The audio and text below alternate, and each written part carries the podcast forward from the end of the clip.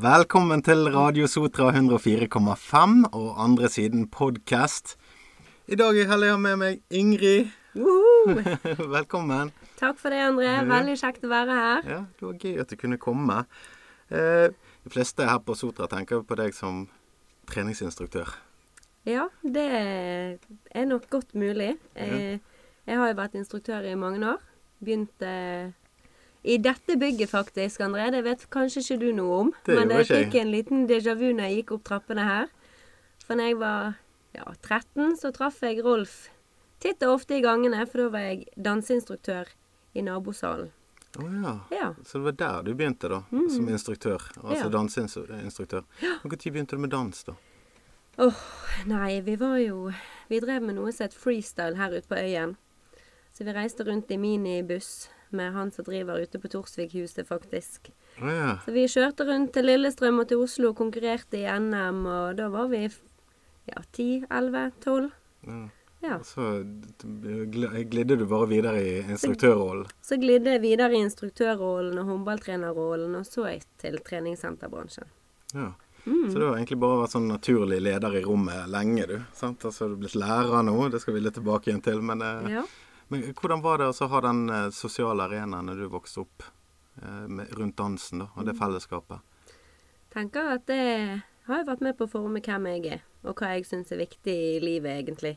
Det å se mennesker og gi noe til dem, og så ikke minst å få noe tilbake. At eh, du får jo energi av å være i et rom der andre kommer for å være med faktisk meg. De Ja. kunne jo valgt å la være, ja. men når de kommer uke etter uke, så gir jo det noe. ja. Mm. Og, eh, men når du begynte over til treningsbransjen, eh, treningssenterbransjen, Mm. eh, da var du ganske ung. Hvordan var det å være i et rom da fullt av gjerne voksne mennesker og sånn? Var det litt spennende, eller var det litt skummelt? Ja, det er et godt spørsmål. Det det er mange år siden nå.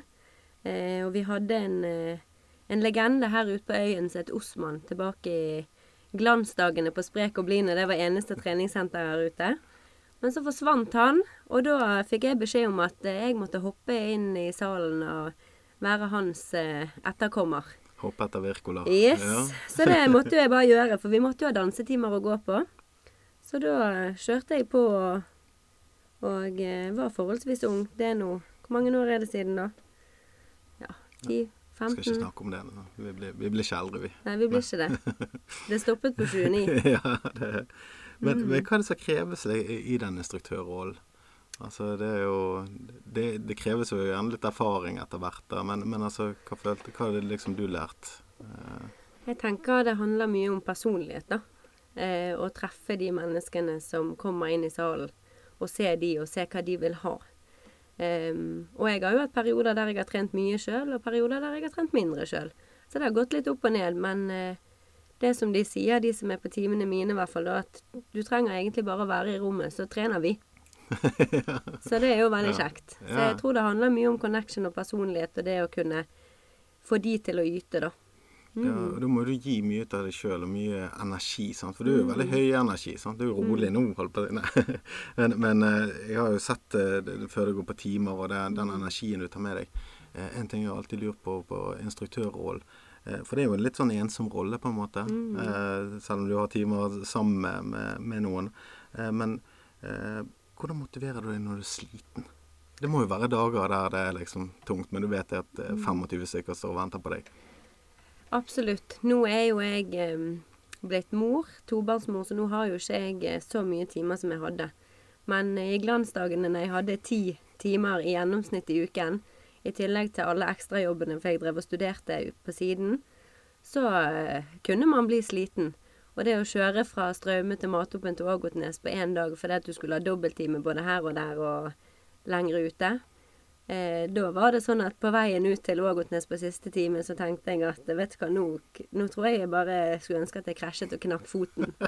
Men eh, så kommer du inn i salen, og så ser du de menneskene som er der, og det er full sal, og det er gjerne, gjerne venteliste. Og så går du ut igjen, og så har jo du mer energi enn når du kom. For det er jo litt, kanskje de tyngste dagene det går best å gjennomføre òg. Mm, Alle, alle det kan trene på solskinnsdagene. Ja, eh, det er absolutt. Og de dagene der du kommer og er litt sliten, og du faktisk går ut igjen med mer energi, det er jo fordi du har fått noe av de som er der. det er jo dette treningen gir òg, Mm. tenker jeg. Altså det å få, få opp, eh, opp energinivået. Det er Jeg kjenner meg veldig igjen i det der, altså de, de, dagene jeg ikke har lyst. Og når jeg gjennomfører da, så har jeg vunnet. Da har jeg Mm. Ja. vunnet dobbelt Ja, med absolutt. treningen. Ja, ja, ja. Så, men eh, får du tid nå med to unger og eh, alt dette til, til å trene? Ja, altså vi eh, ukedagene så bruker vi tiden sammen ute. Veldig masse ute. Eh, Vi bor jo på en gård, har lekeplass og bålpanne og bruker mye nærområde der og går tur med de. Og så har jeg en time fast på nummer én i uken. Og den må jeg holde på, for det er jo Jeg har jo nå en jente på ett år, og når jeg var i permisjon, så hadde jeg ikke timer hele veien.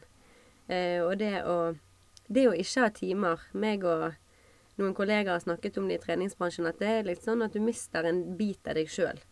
For det, at det er en sånn stor del av hvem jeg er, i hvert fall. da. Den energiske Ingrid som kommer inn i salen og skrur seg på på en helt egen måte, den blir litt vekke når jeg ikke er i salen. da. Er det sånn din egen tid? Der Ja. du kan bare være Ingrid? Ja, det er Ja. min egen tid. Og så ikke minst den tiden sammen med de kollegaene i det miljøet òg er veldig viktig. Ja, og så bare komme ut, eh, Mm. ut og være deg sjøl. Og, og så er det den energien òg. Jeg syns jo det veldig Det skal ikke være sånn skrytepod, sant, så det, men, men, men, men du, har, eh, du har en veldig god energi. Og det, det kanskje kommer med erfaringen, eh, men føler du at du alltid har hatt den, og så bare tsk, komme inn i rommet og eie det? Ja, nå sa du også at det skal ikke være en sånn skrytepod, men jeg tror Det er jo et relevant ja, eh, spørsmål. Ja, det er det. Ja, det er jo, eh, det. Men jeg tror det òg handler mye om personlighet. For det at idet jeg får et oppdrag, hvis jeg kan kalle det det, og skal gå inn i en rolle eh, og utføre det, så prøver jeg å gjøre det jeg kan best, og det er jo å gi av meg sjøl. Og det gjelder jo om det er på treningssenteret eller i Jobben, andre jobbrelaterte sammenhenger. Så må jeg bare gå inn og gi det som forventes, og så Ja, Ja. det skjer noe. Ja, du bare kobler på litt ja, jeg sånn skrur meg på på en eller annen måte. Ja. Jeg, eh, det er ikke sikkert han hjemme hadde sagt det samme, og at jeg alltid er et fyrverkeri, men det er nå en annen sak. når jeg går inn i salen, eller når jeg eh, gjør et oppdrag, så skrur jeg meg alltid på. Ja, ja Mm. for det, det har jo jeg sett også. Sant? Og det, det, det så jo annet når vi var, den, um, var ute på den eh, eh, hva var, Det var for kreftsaken. Ja. Eh, Ute på Askøy. Stafett for livet. Stafett for livet. Beklager mm. det, den eh, var litt langt bak i harddisken. eh, og da var vi der tidlig på morgenen. Ja. Eh, jeg skulle filme. Ja. Eh, og det var jo ingen som hadde stått opp eller noen ting. Men så kom du, og Marte opp på scenen, og så plutselig så var det fullt eh, Mm. foran. Eh, jeg må innrømme, jeg hadde ikke trodd det. Men, men det var noe det akkurat den her at du skrur på, sant. Mm.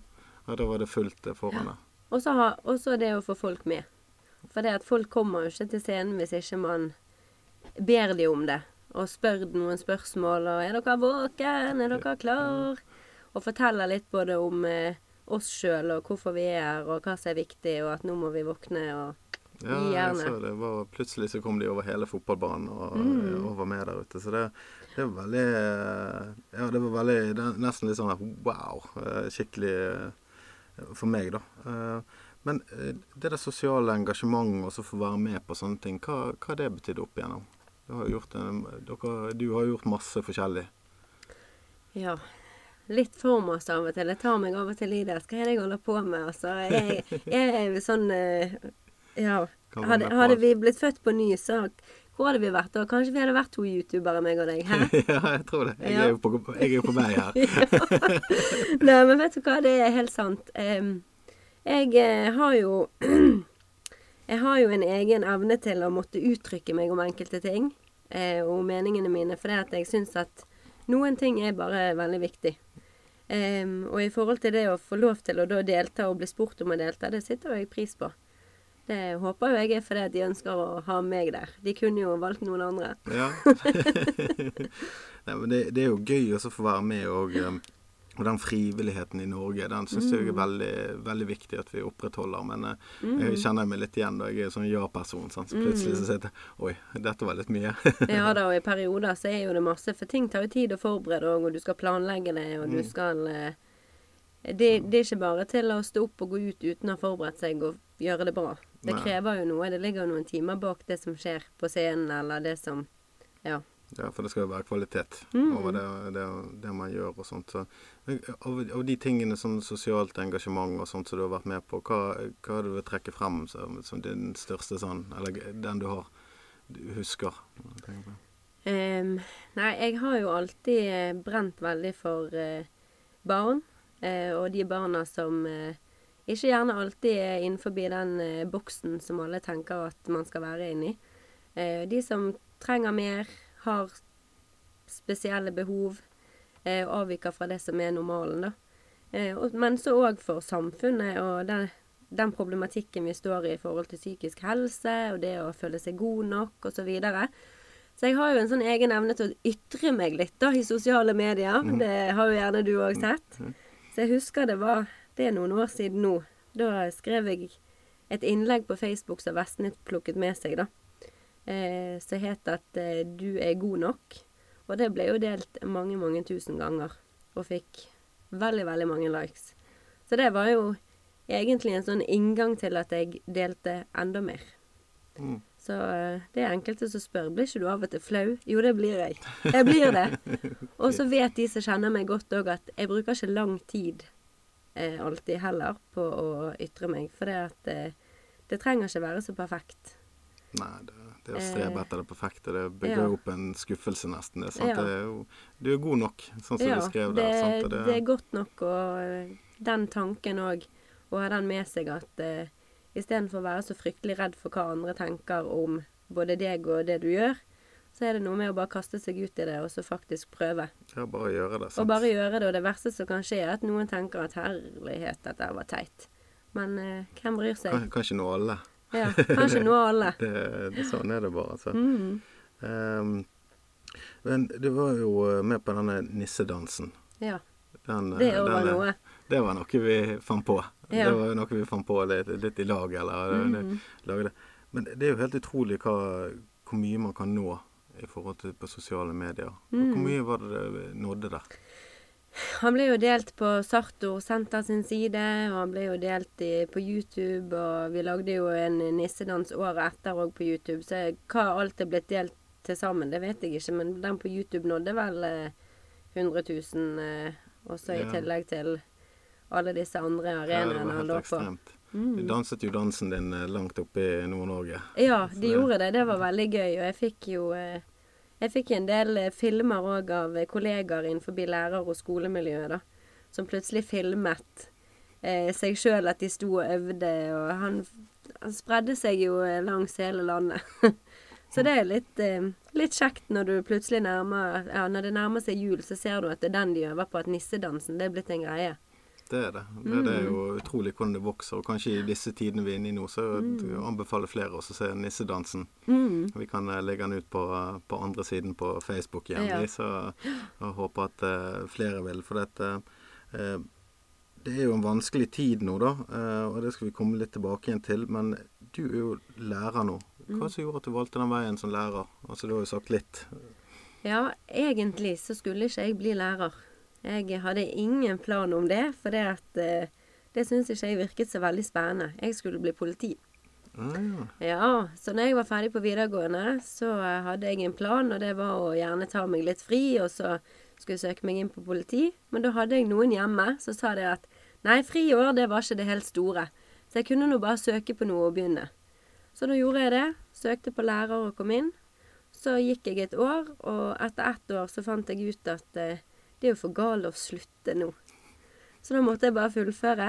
Du måtte bare fullføre. Ja, ja. Nå, Men det det var, er bra, det. ja, jeg måtte det. Ja, Men det var mange ganger i løpet av um, den studietiden der jeg tenkte at uh, Hva er det jeg holder på med? For det at for min del så har jeg en um, Jeg har jo et brennende engasjement for det å være lærer og jobbe i skolen. Men det å studere som lærer var ikke alltid like engasjerende. Og det handler om flere ting. Det trenger ikke vi gå inn på nå. Det handler mer om utdanningsløpet og hva som traff meg og ikke traff meg, og de som faktisk står og formidler der. Um, men hver gang jeg kom ut i praksis, da skjedde det noe med meg. For da kjente jeg at det er jo riktig. Det er jo dette jeg vil være. Og Da skal du på. Ja, da skrudde jeg på. Så kom jeg tilbake på skolebenken og tenkte hva er det jeg holder på med? Så kom det heldigvis en praksis til, og så, så ble jeg lærer. Så jeg eh, kjenner jo på det at det har vært riktig. Tror du at, uh, at det er mye læring der for deg?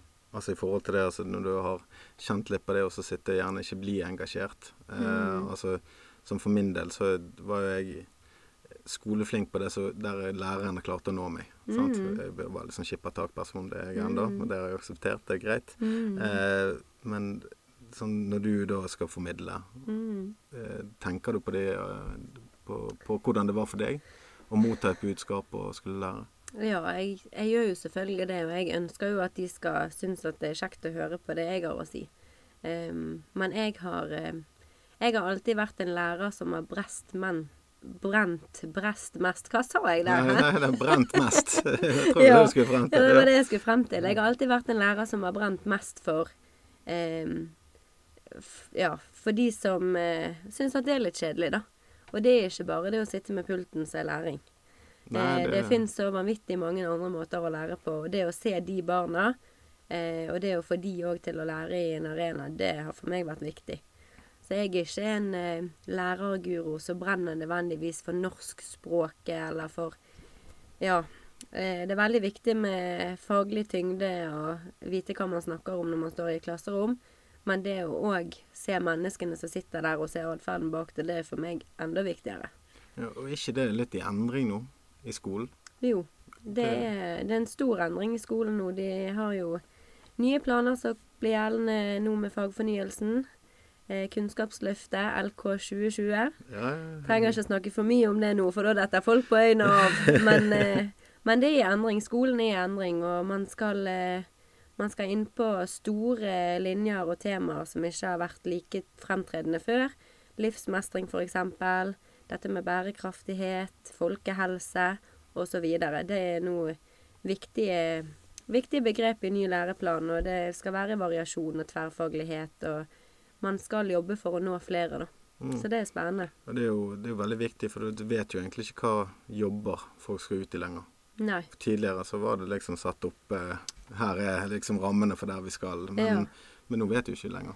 Bransjer forsvinner, og det dukker Mm. opp nye. Og, og, eh, og den allsidigheten eh, eh, jeg, jeg tror at det er veldig viktig. Mm. Og så kunne vi iallfall ha inn den eh, uteskole og de tingene der. Mm. Uh, for, um, for det er jo det å bygge mennesker, er ikke det det handler om? For alle skal ikke ha hjørnekontor og akademisk eh, utdannelse. Nei. Det er jo, De skal ha det godt med seg sjøl, tenker jeg det Mm. viktigste. Jeg tenker at det handler om å bygge mennesker, og det handler om å eh, bygge barn som skal videre i livet og klare seg, rett og slett. Trygge Og- barn. Ja, trygge barn som eh, ja, har det godt med seg sjøl. Eh, og det er jo grunnmuren i alt. ja, det tror jeg. Ja, så mm, Ja. Lage, lage et opplegg og skole som gjør at eh, det blir folk av det, da. Ja, det er greit. folk, Ja. som, folk som er glad og har det godt. For Ja. dette, eh, vi skal jo ikke skyve under teppet at vi har jo et, eh, ja, en utfordring med psykisk helse i Mm. Norge nå.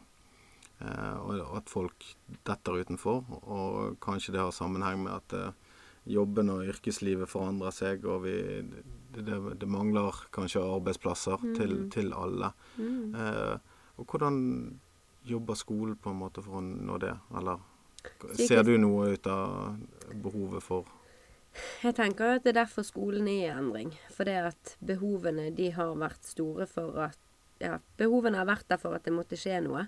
Det er for mange barn som faller utenfor, det er for mange barn som ikke fullfører, og som ikke mestrer.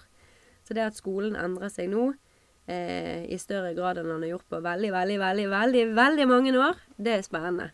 Eh, og så er jo det det å bygge gode eh, system eh, som gjør at du faktisk klarer å ivareta barna. For det, er- det er noe med at alle skoler og alle politikere og jeg tror alle mennesker generelt i samfunnet har et håp om å ivareta barna. Men så er det det å klare det i praksis. Det å faktisk gjennomføre.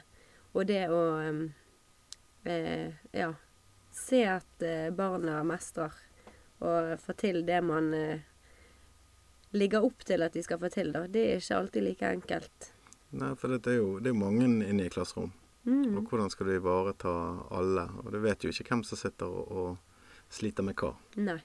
Men hvordan er det for en lærer? Det, det har jeg jo alltid lurt på, iallfall. At eh, du skal se alle. Mm. Går det, eller? Jeg, jeg, eh, jeg tenker at det er det viktigste for en lærer, og det er gjerne det mest krevende òg for en lærer. Eh, og som vi var inne på i sted i forhold til treningssenterbransjen og instruktør, det med personlighet og det å se mennesker, det trekker jeg av og til litt sånn paralleller tilbake til lærerrollen med, for det at eh, det handler mye om det samme. Det å se de menneskene, og det å ta personligheten sin med seg inn og være ekte, da. Sammen med elevene. Det er enormt viktig. Eh, for det at um, elevene, de gjennomskuer deg. De leser deg som en åpen bok. Og hvis ikke du er ekte med de, og tror på de, og viser det, da kan du bare snu i døren. Ja, og det er jo en litt sånn bevisstgjøring eh, som jeg òg gjør, som har jobbet med, med mennesker. Det også og så se noe. Um, for dette er lett for meg å si 'Å, du ser så bra ut i dag', eller noe sånt. Men det å ta tak i ting og så si 'Det som du gjorde der, det var veldig bra fordi at sånn og sånn'. Uh, for da er gjerne mennesker som ikke har blitt sett før. De har enda mer behov for det òg, sant. Og det er jo uh, Ser du Har du noen sånne gode opplevelser rundt det? Altså kunne, det er jo folk som ikke har blitt sett, som blir sett. for eksempel. Ja, jeg har mange. Eh, både som eh, lærer og som eh, Ja, nå er jo jeg Jeg har vært lærer i ni år. Nå er jeg gått over til å være avdelingsleder i Bergen kommune. Eh, men det er, det er, så mange historier at jeg vet ikke hvilken de jeg skal velge. Men jeg kan jo velge en fra uken som var, da, Ja. siden du spør. Eh, det er det som sitter lengst fremme i harddisken. Ja. Eh, da, da var jeg eh, sammen med en elev. Eh, vi kaller det mestringsfredag. Eh, og da gikk vi, og vi gikk en lang tur. Og turen var lengre enn den turen vi hadde forrige uke. Og da var eleven godt sliten. Så jeg tenkte med meg sjøl at i dag, i dag krever det mye samtale og mye eh, plan med det vi faktisk skal gjøre for at vi skal klare å gjennomføre det. Eh, så selv om det er en tur, så må det være godt planlagt og godt gjennomtenkt for at man skal klare å, å i det hele tatt nå toppen og målet, da. Eh, og når vi var ferdig med turen og var på vei tilbake og satt i bilen, så spurte jeg hva er, hva er det viktigste du har lært i dag? Og så sier denne eleven at Hm. Og så satt eleven og tenkte litt, og så plutselig kom det. Det må være at eh, jeg må tåle å være sliten. Og da fikk jeg litt sånn eh, gåsehud og ståpels på samme tid, og så sa jeg bare at wow, så flott. Det er jo det det handler om. Det er det det handler om, det vi har gjort i dag. Det å tåle å være sliten. For det er noe som er viktig å ta med seg videre i livet. Det å tåle å være sliten, ikke gi opp, og så bare stå på uansett. Um, og det er jo nettopp det i forhold til fagfornyelsen som vi var inne på i sted, og livsmestring. Tenk at en tur, med mine baktanker selvfølgelig, og det som jeg hadde mål om, men kan gjenspeile seg i at dette barnet da sa at det viktigste jeg har lært i dag, det er å tåle å være sliten. For det er at normalt sett, når et barn ikke føler mestring, hva gjør et barn når det blir sliten da? Jo, da kommer det noen stygge ord og litt spenning i grusen, og så plutselig ligger de på grusen, og så kan det komme utageringer, det kan komme Ja. Så det å føle at man ikke mestrer noe, det gjenspeiler jo seg i atferden deres. Så det å klare å oppnå sånne mål, det er jo meningen med å være lærer, Ja. tenker jeg. Ja, det, jeg syns det er vakkert, det, det du sier der. Og, og, og det er jo kanskje det som er med samfunnet i dag òg, at vi, vi må tørre å stille krav og gi noen arenaer eh, der man kan mestre i sitt eget tempo. For hvor, hvor er det forsvunnet, dette her? På, på et vis. Altså, jeg tenker nå eh, hvor tid, eh, Det er jo lett for mange gjerne å tenke ja, men jeg skal bare gå denne turen, hvorfor gjør ikke du det? Eh, men det har vært et sånn generasjonsskille der, eh, med at vi faktisk må lære oss på nytt igjen, da.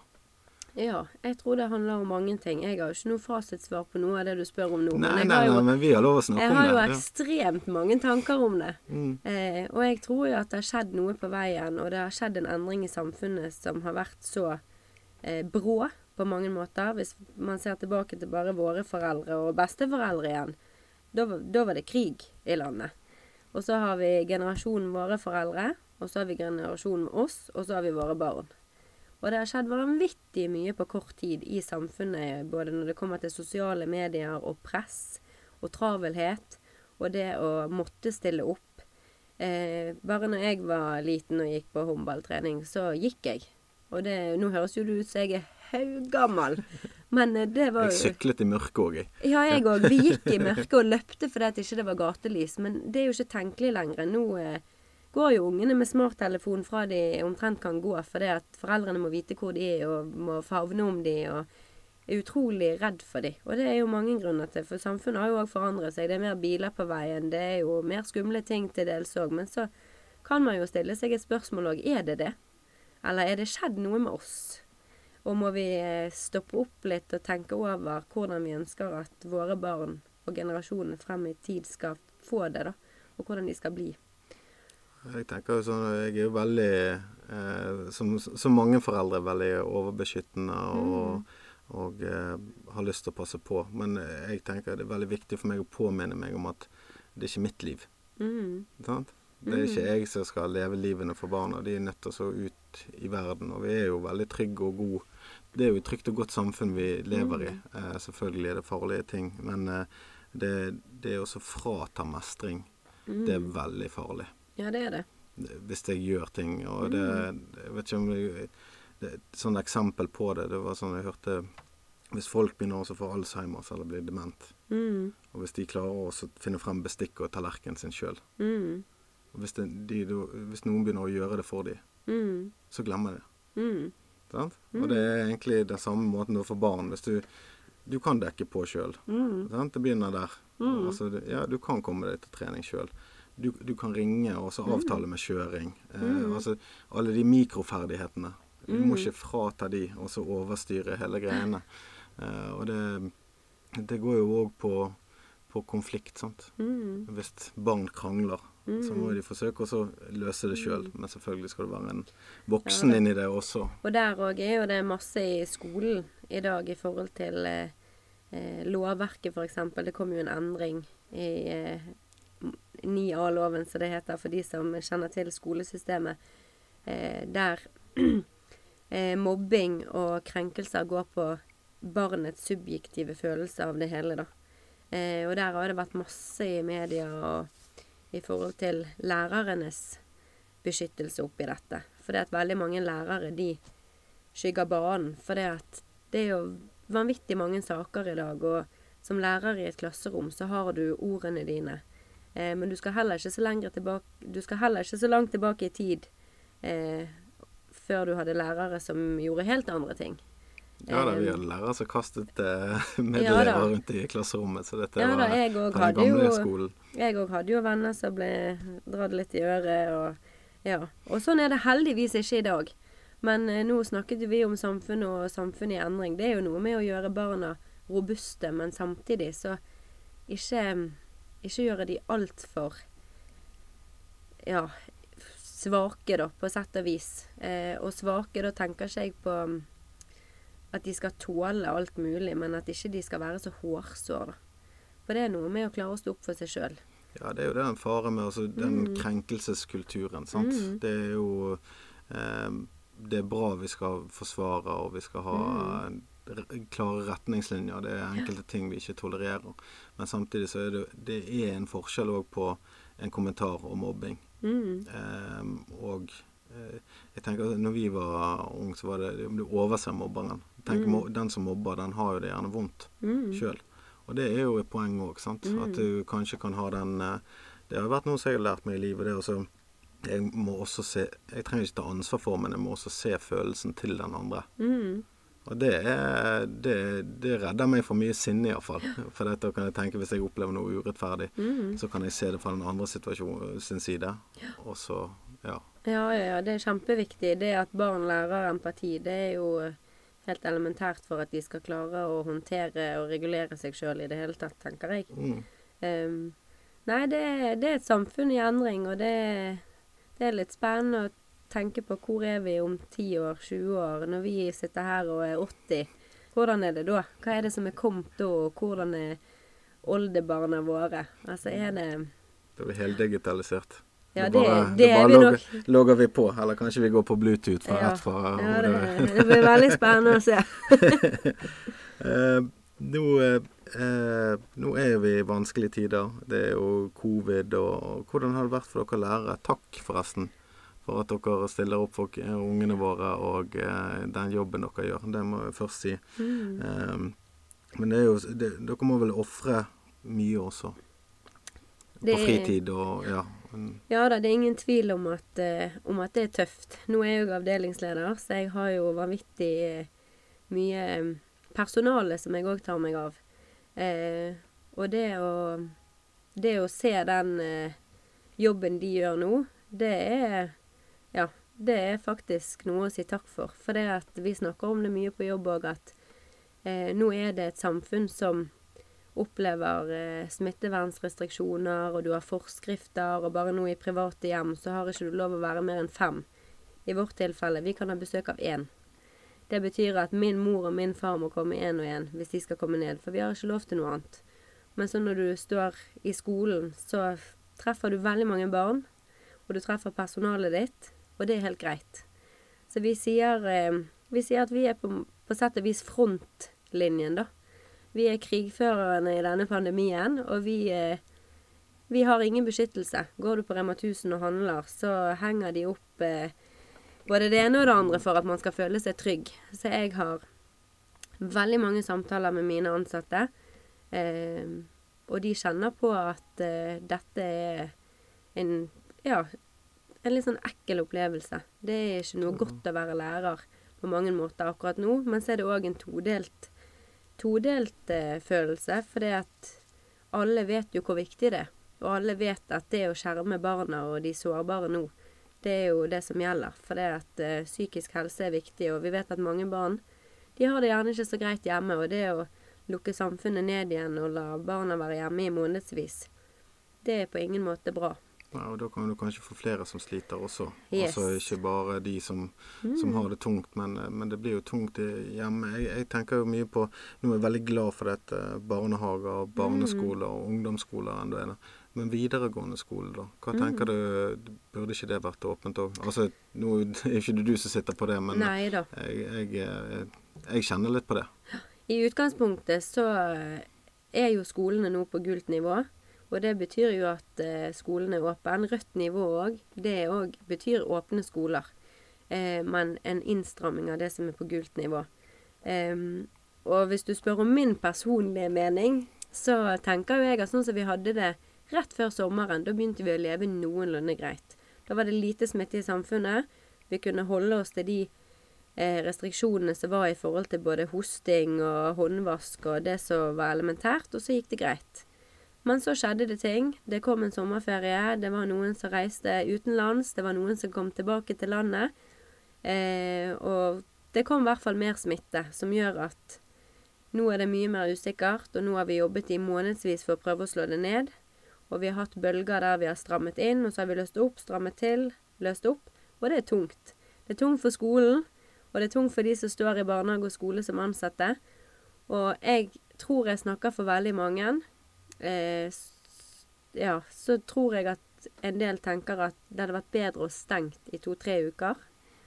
Eh, hvis du går tilbake i tid, da det begynte å ta seg opp. For å prøve å slå smitten ned på et vis, og så heller klart å åpne igjen. Og så begynner vi kanskje å tilpasse en ny hverdag, da. Ja. Og jeg, jeg tenker det er viktig å ivareta flest mulig, men vi må ikke glemme hvor viktig det er å ha en sosial arena. Og eh, jeg, jeg ser jo òg Det er jo mange rundt eh, barn og unge som gjør en god jobb. Altså Her ute har vi Dale Oen. Eh, vi har Basecamp og Pitstop eh, med flere. Eh, hvor viktig tror du det er å ha de tilbudene? Det tror jeg er kjempeviktig. Jeg tror at det å ha tilbud til barn eh, på alternative arenaer betyr vanvittig mye. I forhold til sånn som Dale Oen og Akademiet som de har der òg. De gjør jo en knalljobb. Og det å ta inn dropouts, eller eh, elever som ikke mestret det på videregående ungdomsskolen, som får lov å begynne på nytt igjen, og som får lov å få troen på seg sjøl og finne troen, eh, og faktisk komme ut av det hele som et nytt menneske, det sparer samfunnet for vanvittig mye penger. Ja, og Mens det å kutte i disse tilbudene, det blir dyrt. Ja, det, det, det tror jeg òg. Og det Ja. eh, Men tror du at det blir det framover? Hva Jeg eh, har jo sett budsjettet til Øygarden, og det er jo stramt. Eh, og, eh, og det ble delt et innlegg av gutter om rektor på Gangstegarden i går på Vestnytt. Og han sier noe om at eh, det hjelper ikke å kjefte på noen. Og så er det alltid noen som kommenterer i kommentarfeltene at ja, men disse som er høyt oppe og politikere, de må kutte i lønningene sine. Jeg tenker at det er jo heller ikke svaret. For folk må jo få lønn for det arbeidet de gjør. Og det er ulike lønninger i samfunnet, og det tenker jeg at det er en del av samfunnet. Eh, men så er jo det noe med å vite og sikre seg at disse gruppene, disse sårbare gruppene blir ivaretatt før man kutter. For hvis man har et tilbud, og man tar det vekk, så håper jeg for guds skyld at de vet hva tilbud de får når det blir tatt vekk. At de er helt 110% sikre på at det er godt nok. At ikke de tar vekk noe, og så har man rundt om på skolen i kommunen elever som løper i gangene uten å få noe tilbud fordi det blir for tøft. Og da er det veldig mange som snakker om at det blir for tøft for skolen og lærerne. Men hvis vi snur det perspektivet og tenker på hvor tøft det er for den gutten på åtte år som løper rundt i gangene, som ikke mestrer, så tror jeg at det er tøffere for han. Ja, det tror jeg òg. Hvis du skal se rent kroner og øre, så er det jo billigere å forebygge Mm. enn å reparere. Yes. Det, det er vel Ja, jeg Ja, tror ikke ja, vi kan krangle på det. Nei da. Og så tror jeg at mye kan ordnes i, i skolene. Eh, Ut ifra de ressurser man har òg. Men det er noe med å sikre seg at de systemene ligger forankret i bunn. For det at når man leser om at det skal kuttes i alle ledd i forhold til de sårbare gruppene, så blir jeg veldig skeptisk, og jeg blir litt trist. For jeg tenker at uansett så har ikke så mye skjedd i kommunen her fra jeg forlot den, til at det er 110 sett lett. Eh, og jeg skrev noe i går òg på egen Facebook om at alle skoler har jo et håp og et ønske og en plan for å klare å ivareta disse barna. Eh, og det er helt eh, Det er helt troverdig, for det, det er virkelig noe de håper. Og det er et ønske de har. Men så er det sånn at når høsten starter, så er det etter en lang ferie, og vi går inn i en høst med godt mot, men så blir det tøft. Og høsten tar seg opp, og da er det veldig ofte at det man tror Det man tror på høsten, da lar seg gjerne ikke gjennomføre like lett når man eh, nærmer seg juleferien. Da begynner det å eskalere. Og hvis disse tilbudene da ikke fins, da må det løses i skolen. Og hva er alternativet da? Bare ta skylapper foran øynene og bare la de elevene styre seg sjøl? Eller så ansetter man ekstra vikarer for å redde det hele inn. Og det er òg en mye dyrere løsning på sikt. Å ansette på toppen midt i et skoleår. Ja, og så er jo det vanskelig. Skole kan ikke være der hele døgnet heller. Nei. Og eh, barn og unge som faller utenfor eh, skole, eh, Mm. faller jo gjerne utenfra dansen. Slutter gjerne på dansingen sin. Sant? Mm. De, de, eh, eller fotball, eller eh, Mm. hva det er. Så det, det må jo være noe utenom der òg. Så jeg tror det er veldig viktig arbeid eh, Mm. som jeg håper blir prioritert. da. Mm. Eh, for dette eh, ja, Ellers blir det et langvarig løp som kanskje kan bli mye kortere. Så Mm. Ehm, litt sånn Hva tenker du Du har jobbet i treningsbransjen eh, og jobber med ungdom. Hvordan tenker du på kroppsfokus og sånt inn mot eh, trening? Ja. Em, hvordan tenker jeg på det? Jeg tenker at em, akkurat eh, den eh, den eh, bransjen som jeg er i, treningsbransjen, og det senteret eller den kjeden som jeg er instruktør i nå, de har et veldig godt fokus på det. Nummer én fitness, de fronter på ingen måte eh, kroppspress, og det er veldig bra. Eh, men jeg eh, jeg syns mye bra har skjedd innenfor akkurat treningsbransjen når det kommer til det. For det at du skal ikke så veldig mange år tilbake i tid der, eh, der det var helt greit å gå i singlet og være altfor stor av unaturlige årsaker, da. Det var mye sol og bol eh, før. Ja, det var det. Eh, og det er jo Det vet alle at det er ikke bra. Og nå er ikke det greit lenger. Det er ikke kult. Nå er det veldig fokus på folkehelse, og man skal være sunn, og man skal være sprek, og man skal gå tur i fjellet. Det handler ikke om å ha størst muskler. I hvert fall ikke for alle. Det er jo òg en idrett som ikke vi skal snakke ned. Men eh, fokuset har nok snudd litt. Men det er jo et stort kroppspress og et kroppsfokus i samfunnet generelt. Hvordan tenker du foreldre kan trygge barn da, i møte med det? Det er et vanskelig spørsmål, for jeg tror at eh, vi foreldre i dag har en så utrolig viktig oppgave. Eh, de barna som vokser opp, vi snakket jo om det i sted, hvor er vi om noen år? Veldig mange barn i dag, de vokser opp, og de ser spesielt mammaer som ikke syns at de sjøl er fin og god nok. Og hva gjør det med et barn? Det å bli 30-40, få litt rynker, føde noen barn, være litt eh, løsere i fisken enn man var når man var 20. Det er jo eg egentlig helt naturlig. Det er helt Og så- greit. Det er Ja. helt greit, og så må man jobbe med det òg.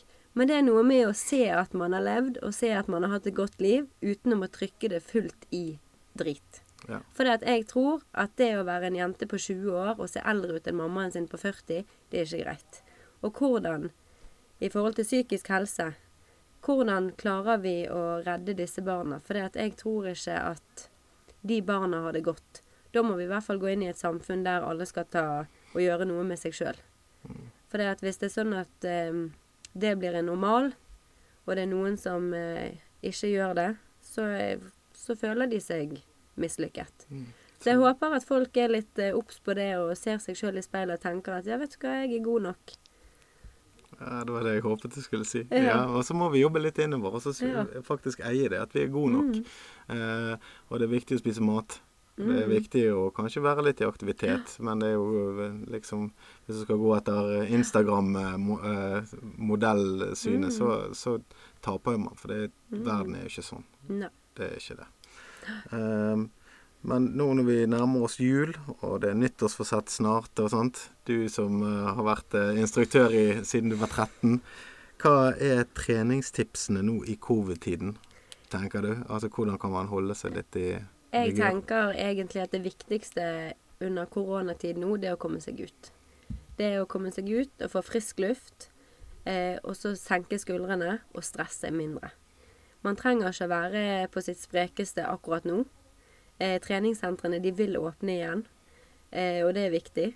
Eh, men det å bare komme seg ut og få frisk luft og være sammen med familien og ta med seg ungene og ikke ta helt av og stresse med at eh, man ikke gjerne får løftet så mye vekter som man vanligvis gjør, det tror det er bare til å ligge vekk en liten periode. Ta litt armhevninger. Litt Ta, ta litt eh, armhevinger og bruk det du har, og bare få det til å bli en del av hverdagen uten at det skal bli stress. Og kom deg ut og bruk naturen, tenker Mm. jeg er det viktigste, for det gir mye. Ja, jeg må si det. Jeg gidder ikke akkurat når det regner så mye, da. Men, men jeg bruker de fine, fine dagene, da. Men Ja. eh, det, det er jo en ærlig sak. Men Ja, det er en jeg, ærlig jeg, sa- sak.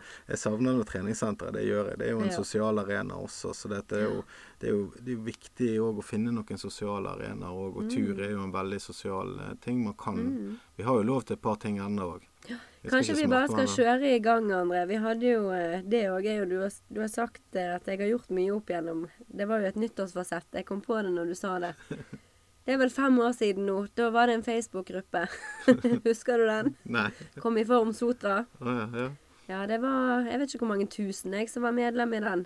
Det var jo jeg som startet Kom i form Sotra sammen med en uh, treningskollega. Du vet i hvert fall hvem hun er. Em, og vi lå jo ut søndagsutfordringer hver uke, og det var jo flere hundre som deltok og svarte og filmet og tok bilder og Ingrid, dette er jo bare Det høres ut som du må bare eh, børste støvet av denne Facebook-gruppen og så sette i gang. eh, Han fins. Han fins, ja. ja. Eller kanskje noen andre vil ta ansvar Ja, det for var han. det er jeg skulle til å si. sånn, Kanskje, eh, kanskje ikke tiden min strekker helt til til det akkurat nå når det er ny jobb og det Nei, unger og alt. så- unger og familie og Men eh, Ja. Men det er veldig mye som kan engasjere folk, da. Så vi kan jo gi den ballen videre at hvis det er noen som tenker å drive noe for andre i denne tiden, så kan jo det være et Da tips. kaster kaster vi den ballen ut, og så håper vi at noen eh, tar Griper den. Griper den ja. Mm. Eh, litt før vi runder av her. Nyttårsforsett. Du har vært i treningsbransjen i så mange år.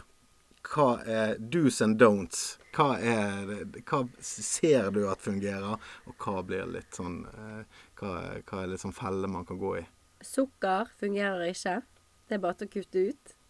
Eh, og det som fungerer, det er å eh, kjenne på at man eh, har det gøy, og at det er en glede i å holde på med trening. Hvis ikke, så fungerer det heller ikke. Ja, skal ikke trene hver dag, altså. Hvis du Nei. ikke trente i hele desember, skal du ikke trene Nei. syv dager i uken. Trenger ikke ta helt av. Nei. Ta det i ditt tempo. Prøv å, få det, prøv å finne noe som du liker. Eh, og jeg har jo alltid vært veldig glad i gruppetimer, for det er jo noe med det sosiale som skjer i den salen. Em, så finn noe du liker, finn noen du liker å gå med og være sammen med. Så plutselig så er det en del av hverdagen din. Ja. Og så må du huske at du alltid må være god nok. God nok. Ja, Ja, du er god nok og glad. Ja, Ja. god nok, glad. Ja, vi hadde ikke øvd den der inn igjen. Men vi, Nei, den, den, det. den, den, Det der skulle du sagt til meg på forhånd, André. Ja, vi prøver å ha det dynamisk. Ja, sant? Det, det har vært veldig koselig å ha deg her, Ingrid. Ja. Nå er tiden vår uh, ute. Uh, eller nesten ute. Eh, du kan like andre siden podkast på Instagram og på Facebook. Eh, du kan også se denne episoden med meg og vakre Ingrid her på eh, YouTube-kanalen vår, Andre siden pod. Eh, og så er vi tilbake igjen neste onsdag. Ingrid, tusen hjertelig takk for at du var med. Takk for at jeg fikk komme. Vi har jo eh, pratet mye og kunne sikkert pratet enda. Ja, det er bare, bare knappene som på klokken. Så Ja. det, jo, Sånn er det. og så må jeg minne om at uh, vi har Magasin Young-konkurransen, der du kan vinne et gavekort for 500 kroner. Med også like andre siden pod på Facebook og Instagram. Mm. Yes. Ja, men da har jeg husket alt, tror jeg. Har du husket alt? Nei. Nei. Da, men vi runder av derfor. Vi runder av. Ja, Kan greit. ikke huske alt. Nei. Takk for nå. Takk for i dag.